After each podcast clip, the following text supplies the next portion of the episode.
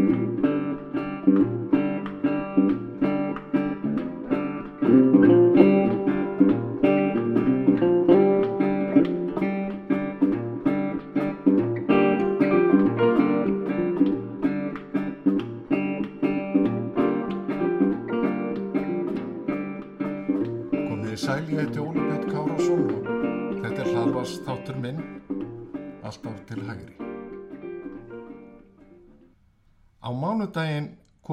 til borgar frá Íslandi tveir ungir og efnilegir menn, báðir ættaðir af söðakróki. En þeir eru Kári Jónsson, sonur Jóns Björnssonar, Vestlunamanns og konu hans Unnar Magnúsdóttur og Eirikur Haugur Stefánsson, sonur Stefáns Vakssonar og konu hans Helgu Jónsdóttur. Þeir munu hafi í hyggju að ílingjast hér í landi ef allt gengur að óskum. Þannig hljóðaði stutt frétt í Lögbergi, blaði vestur Íslendinga í Kanada 17. júni 1954, sama dag og haldi var upp á tíu ára ammali líðveldisins. Dægin áður hafði heimskringla byrt frétt sama efnis. Kári og Haugur, eða Húki eins og var alltaf kallaður, heima á Krók, voru þá báðir á 21. aldursári fættir 1933. Æsku vinninni voru auðvita haldnir ákveðinni ævintýra þrá, en erfitt atvinnu ástand og fátakli tækifæri ráku þá til að leita bjartari framtíðar í öðru landi. Báðir áttu þeir drauma sem ekki rættust í Kanada. Kári er faðir minn. Fyrir yngra fólk sem gengur að frelsinu sem vísu og telur góðu lífskjör sjálfsögð er erfitt að skilja og skinja erfitt ástand efnahagsmála á fyrstu árum liðveldisins eða þá þjóðfélagsbaróttu sem þá var oft ílvík. Tekist var á um hugmyndafræði miðstýringar og allaræðis annarsvegar og frelsis einstaklingana til orðs og æðis hinsvegar. Þegar ungu menninni frá Söðakróki ákvaðu að leggjast í viking til Kanada var flestu í efnæðarslífinu handstýrt af stjórnvöldum. Fjármálamarkaður var ekki til, vextir voru ákveðnir að ríkistjórn, lánsfið var skamtað og fólki mismunað. Gengi krónunar var mismunat eftir vörum og svartamarkaður með gjalderi var í blóma. Flest var háður leifum og vöru úrval fátaklegt. Það er deyfðar svipur yfir bænum á malarérónum undir sandbakkanum. Sjálfur er bærin snotur og vinalegur og nýju lágu einbílishúsin sem mynda nýtt hverfi innan við gamla bæin eru aðlagandi og fara vel við umhverfið. En það er eitt sem vandar, það sem síst má vera á. Atvinna, starf, argja verkefni handa þeim þúsund manns sem byggja söðakrók. Þannig segir tíminn frá ástandinu á söðakróki 11. ágúst 1951. Veturinn hafi verið fiskleysi á skagafyrði og bátar séu bundnir við bryggjurnar því ekki fáist bein úr sjó. Slíkt hafi ekki gerst í ára tugi. Tími lýsir ástandinu betur með eftirfarandi hætti. Þegar önnur vinna er svo hverfandi lítil í bænum þarf engan að undra þótt fremur döflegt séu umhorfs. Þeir sem þess hafa átt kost hafa reynd að komast brott í vegavinnu á síld í kaupavinnu. Heima fyrir er varla önnur vinna en í sambandi við vestlunarfyrirtækinu og mjölkurbúið fáin er menn að þekja stokka sem flytja vatnið að rafstöðinni við gunguskarðsá því að það setti krab innan í þá í vetur. Fáin er menn að girða og lýsa flugöllin því þarna á að verða nöðlending handa millilanda flugvelum ef til slíks þarf að grýpa. Annars engin vinna. Ofan á allt fullkomið atunleysi í allan fyrra vetur. Það er því ekki að furða að frelsið og tækifærin í Kanada hafi vakið aðtegli ungum vinnana frá króknum. Í brefi til föðusins í september 1954 segir Kári að vestlunahættir séu gróskumiklir. Kenni það margara gras og margt megi læra ef vel er tekið eftir. Hann skrifaði það sem hann tekur fyrst eftir er frelsið sem er ríkjandi á flestum sviðum. Allar búðir eru yfir fullar af varningi og verð og gæði afar misjamt. Það sínir að vestlunamaðurinn hefur frelsi í vali og álækningu. Kári hrefst af sjálfs afgæðislu í vestlunum og framkomu afgæðislu fólksins sem sé mjög eftirtektavert vegna kurtesi og alúðar sem það hefur til að bera í ríkum mæli. Hann skinnjaði hvernig frelsi og samkjætni laða fram hið besta. Vinirnir sem fóru á vit æfintýrana í Kanada fyrir 66 árum snýru aftur heim reynslunni ríkari og kunnu að meta Ísland betur en áður. Sá landið í bjartara ljósi. Báðir tóku þeir þátt í hvor með sínum hætti að umbreyta Íslandi og gera það einu öflugasta velferðaríki heims. Þeir fengu að upplifa hvernig Ísland braust úr fjötrum hafta og helsis. Þeir, ásamt öðrum að þeirra kynslo, lögðu grunninn að öflura og fjölbreyttara atunlífi. Tryggðu að við sem á eftirkomum fengum tækifæri sem þeir gáttu aldrei látið sér dreyma um, hvorki í Kanada nýja á Íslandi. Vinnirnir fjallu báðir frá á besta aldri. Kári árið 1991 og Húki rúma ári síðan. 58 og 59 ára gamlir. Eitthvað segir mér að þeir ættu í mörgu erfitt að skilja Íslands samfélag í dag. Báðir væru þeir ánaðir með þann gríðarlega árangur sem aðst hefur. Það sem Ísland hefur skipað sér á bekk mestu velmögunar þjóða sögunar. En hvorur gæti hins vegar komið því heim og saman hvernig samfélag velmögunar hefur alið að sér heimdufrikju, tortrygnu og anduð, ekki síst gagat frjálsum viðskiptum. Ítla hefðu þeir sætt sig við hvernig stöðugt er grafið undan kristinni trú og kristnum gildum. Þeir hefðu báðir tekið undir með þjóðskáldinu Jónasi Hallgrímsinni sem orti Jólum mínum uni ég enn og þótt stólið hafi hæstum guði heimskir menn hef ég til þess rökin tvenn að á sælum sanni er engin vafi. Ég er á þeirri kynnslóð sem naut þeirra gæfu að alast upp og mótast þegar að herra Sigurbjörn Einarsson satt á stóli biskups. Djúbstæð trúarsamfæring enkendi allt hans mikla starf, án hróka eða yfirlætis. Í huga Sigurbjarnar er kristin trú ekkert að miklastaf. Heldur viljin að lofa Guði að lýsa á gluggan inn í hjartað. Það hefur verið gæfa fámennara þjóðar að eignast nokkara kennimenn trúarinnar, afgáleisa, lítiláta og kærleifsrika. Á engan er hallað þegar því er haldið fram að fremstur meðal jafningja standi herra Sigurbjörn Einarsson.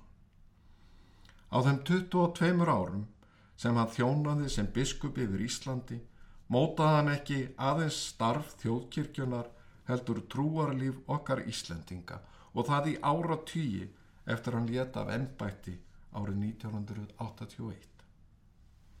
Og það skal játað að á jólum sakna ég þess sérstaklega að get ekki noti Guðstjónustu hans líkt og ég ólstu fyrir sakna visku hans og hlý. Ég viðtala við frettablaðið á aðfangadag 2007 myndi Sigurbjörn okkur á að hamingjan sé ekkert tilfyrringasvall. Heldur einkennist hún af innra jafnvægi og hugaró. Hann sagði, hamingju samt fólk er þannig í sæmilegri sátt við sjálfsík, en þó ekki án sjálfsgaggarinni. Skorti hana verður einstaklingurinn hrókafullur sjálfbyrgingur skopskinni skroppin. Skömmu fyrir andlátt sitt flutti Sigurbjörn sína síðustu prettingun. Það var í Reykjóldi sumarið 2008. Hann var þá liðlega 97 ára gammal. Þar brindan okkur öll að miklast ekki eða ganga oflætunu á hönd. Sigurbjörn sagði, það kemur fyrir að mennirnir blindast og krossfesta sína eigin gæfu, hjálp og blessun. Vest fer þeim æfinlega þegar þeir blindast af ímynduðum glansi á sjálfum sér. Ég er ekki vissum nema einhverjir spertir hanar á tildurshaugum samtímans mættu taka þetta til sín. Og það er ekki hættulöst að seljast undir framandi íhlutanir og yfirráð. Hákon konungur reyndist Íslandi óheilla valdur. En verri en Hákon eru þau máttarvöld sum sem menn eru svo umlega flatir fyrir nú og dögum. Ég nefni aðeins það sjúka yfirlæti sem nú þykist upp úr því vaksið að gera ráð fyrir neinu aðra sjálfu sér í alheimi og þann gráðuga mammon sem virðir ekkert, enga helgidóma, engar hugssjónir, engin gildi. Í huga Sigurbjarnar laðar bóðskapur jólahátteðarinnar fram það besta sem við geymum í okkur. Gjafmildi, ástúð og kærleika. Hann efaðist aldrei um bóðskapin eða þýðingu jólana fyrir mannin. Í aðdraganda aðvendu 2003 var Sigurbjörn spurður í viðtali við Bjarma, tímaritt sambans íslenskara kristibósfélaga, hvort hann hafi á efri árum hugsaðum hvað taki við, hugsaðum híminin. Já, þetta er eðluleg spurning, svaraði Sigurbjörn og bætti við. Nú nálgast aðvenda og við höldum aðvendu nákvæmlega að því að við höfum fengið svar við þessu. Aðvendan bendur og segir, þetta er framtíðin. Jésu Kristur er að koma. Ekki bara sem líti barn á jólum, hann er að koma á móti veröldunni sinni sem frelsari hennar og drottin, allarar framtíðar. Hann og ríki hans er framtíðin. Þar með er því svarað hvernig heiminin er. Heiminin og eilifa lífið er þar sem Jésu Kristur er allt í öllu á samt Guði föður heilugum anda að eilifu. Að öðru leiti veit ég álíka lítið um heiminin eins og ég vissi lítið um jörðina þegar ég var í móðurlífi og ég er fullkomlega sáttur við það. Það sem ég veit nægir mér. Í samfélagi nútímas er trúin tortrið. Við sem tökum undir með þjóðskaldinu og trúum á tventi heimi, Guði alheimskimi og Guði okkur sjálfum erum álitin einfældingar og að sumum jáfnvel hættuleg og við hrekjum stótt undan, feimin og jáfnvel hrætt að gangast við að eiga samneiti við trú kærleikans. Eigum erfitt með að viðurkenna fyrir öðrum hversu Guði alheimskeimi er okkur mikilvægur og hver Guði okkur sjálfum hefur reynst okkur góður leiðarvísir í lífinu. Og þá er stutt í að við tökum upp síði bakkabræðra sem ætluðu sér að bjarga gluggaleysinu með því að bera sólarljósið inn í bæin. Hvað djúft sem við hugsum fáum við í raun og veru ekkert svar við öllum spurningum okkar en verðt er þó að hafa í huga hvíli greiðin vill að það er að vera trúlaus á handleiðslu hins góða sem við hljótum að trúa sér til og það jafnvel í okkur sjálfum ef vel er aðgáð. Þannig konst Björn Jónsson, Björn í bæ á höfðaströnd í Skagafyrði að orði í ítalegu viðtali við morgumblæði í desember 1982. Björn sem þá fagnaði 80 ára ammali sínu var trúaður maður. Í hans huga var kærleikurinn grunnur alls hins góða. Ef ég reyna að skýra viðhorf mitt til Guðs, saði Björn, sem í alheimi býr og þá trú sem ég vesall maður vil hafa, þá er auðsvarað að kærleikan tel ég grundvöldað öllu því góða sem við eigum að tilenga okkur í daglegu lífverðni því að kærleikurinn er hinn sanni Guð í alheimi og það besta í okkur sjálfum. Björn var einna máttastólpun skagafjörðar, búfræðingur, íþróttakennar og bondi. Einna stopnundum ungmannafélags, fjallskilastjóri um árabíl og hrefstjóri ára tugi. Hann létt til sín taka í ymsum félagsmálum og gengdi fjölda trúnaðastarfa fyrir samferðamenn sína. Björn hafði annars misjamt álit á stjórnmálum en taldi að fyrsta skilirði fyrir eðlilegri framþróun var að menn fyndu sáttalið og bæru gæfu til að vinna saman að framfara málum. Ég hef oft tekið eftir því að ósætti við aðra vekur vanlíðan, en sáttarorðið er vellíðan. Eitt sinn heyrði ég að afi minn hafi sagt að ósættu og hatur væri djöfulegt en fyrirgefning og vináta guðdómleg.